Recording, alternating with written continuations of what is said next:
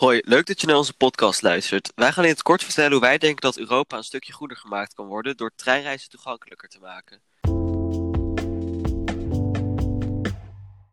Ja, vorig jaar bracht Greenpeace een rapport uit waarmee ze willen aantonen dat korte vluchten geschrapt moeten worden. Vanaf Schiphol liggen er 54 bestemmingen binnen een straal van 750 kilometer. Van deze vluchten wordt veel gebruik van gemaakt. Niet alleen voor lange vakanties, maar ook voor zaken of even een weekendje weg. In 2018 zorgden luchtvaartmaatschappijen zoals KLM, EasyJet en British Airways dat 2,6 miljoen reizigers van Nederland naar Londen konden reizen. Een andere optie is met de trein. Je zou met de Thalys van Amsterdam naar Londen kunnen reizen binnen 4,5 uur. Ook al is het langer dan vliegen, het kan veel stress en ongemak voorkomen. Stations zijn vaker dichterbij dan vliegvelden. Je hoeft niet twee, je hoeft niet twee uur van tevoren bij het vliegveld te zijn en je hoeft niet in lange rijen te staan. Als je dit allemaal bij elkaar optelt, maakt de reistijd misschien niet zoveel uit. Ja, en al dit vliegen is dus een probleem. Samen zorgen deze ruim 23 miljoen passagiers op vluchten tot 750 kilometer vorig jaar namelijk voor 3,48 megaton CO2-uitstoot. Elektrische treinen zorgen voor veel minder uitstoot. Voor de internationale treinen geldt dat binnen Europa grote verschillen zijn in CO2-uitstoot per kilometer.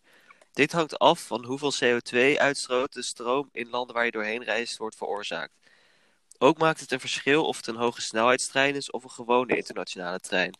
De CO2-uitstoot van je treinreis kan voor verschillende bestemmingen verschillen. Een trein naar Oost-Europa gebruikt bijvoorbeeld stroom met veel CO2-uitstoot, terwijl een trein door Frankrijk op kernenergie met veel minder CO2-uitstoot rijdt. Maar dit is nog steeds een stuk beter dan vliegen en al helemaal als dit op groene energie is.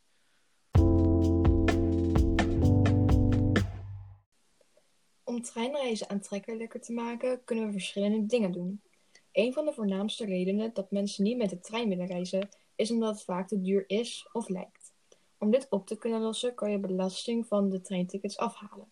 Vliegtickets hebben bovendien ook geen belasting. Dus op vliegtickets en kerosine moet ook belasting komen. Op deze manier lijken treintickets toch goedkoper te zijn.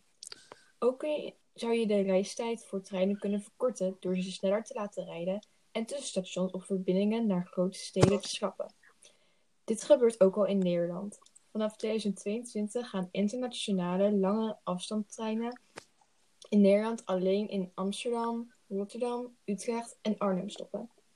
Vaak worden vertrektijden verkeerd vermeld, waardoor reizigers onnodig lang staan te wachten of juist een trein missen. Als de communicatie beter wordt, kunnen we dit vermijden en dus missen mensen minder vaak hun trein. Met het vliegtuig gaan is dus vaak wel sneller dan met de trein gaan. De trein stoot alleen wel een stuk minder CO2 uit. Een trein die op kernenergie rijdt, stoot minder CO2 uit dan andere treinen. Als de treinen op groene energie rijden, is dat dus veel beter. Treinreizen moet eerst aantrekkelijker gemaakt worden, zodat mensen vaker voor een groenere manier van vervoer kiezen. Het lijkt ons voor nu handiger om eerst de tickets voor de treiner goedkoper te maken en die van het vliegtuig duurder, door belasting te heffen op kerosine en vliegtickets. Reistijd verkorten en treinen sneller laten rijden zijn ook oplossingen. De vertrektijden moeten duidelijker worden aangegeven door de communicatie te verbeteren.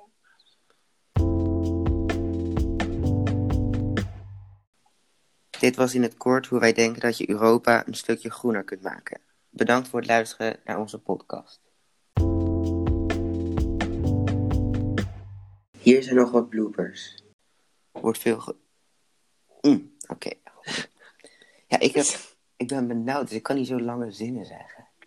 Neem even een pufje. Oké. Oké, ook even zo. ASMR.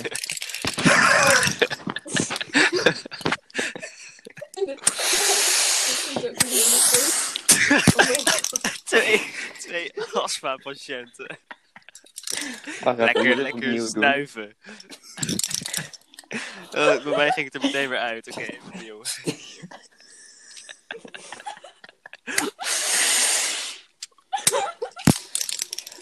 Lekker. Oh, ik krijg helemaal zwart voor mijn ogen. Dat is niet goed hoor. Oké, ik kan niet- ja. ik kan niet flauw vallen in een podcast. Nee. Oké, ga verder. Opnieuw. Oké.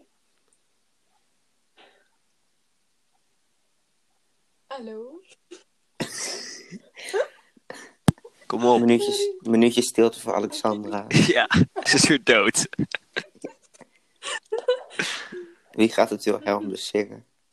Wilhelm. Hoezo noem je kat Shaki? Dat heeft mijn broertje Ik gedaan. denk altijd aan de chocoladefabriek. Uiteindelijk toen ik thuis kwam, ik ging echt bijna huilen. Ik haatte de naam Shaki. Shaki.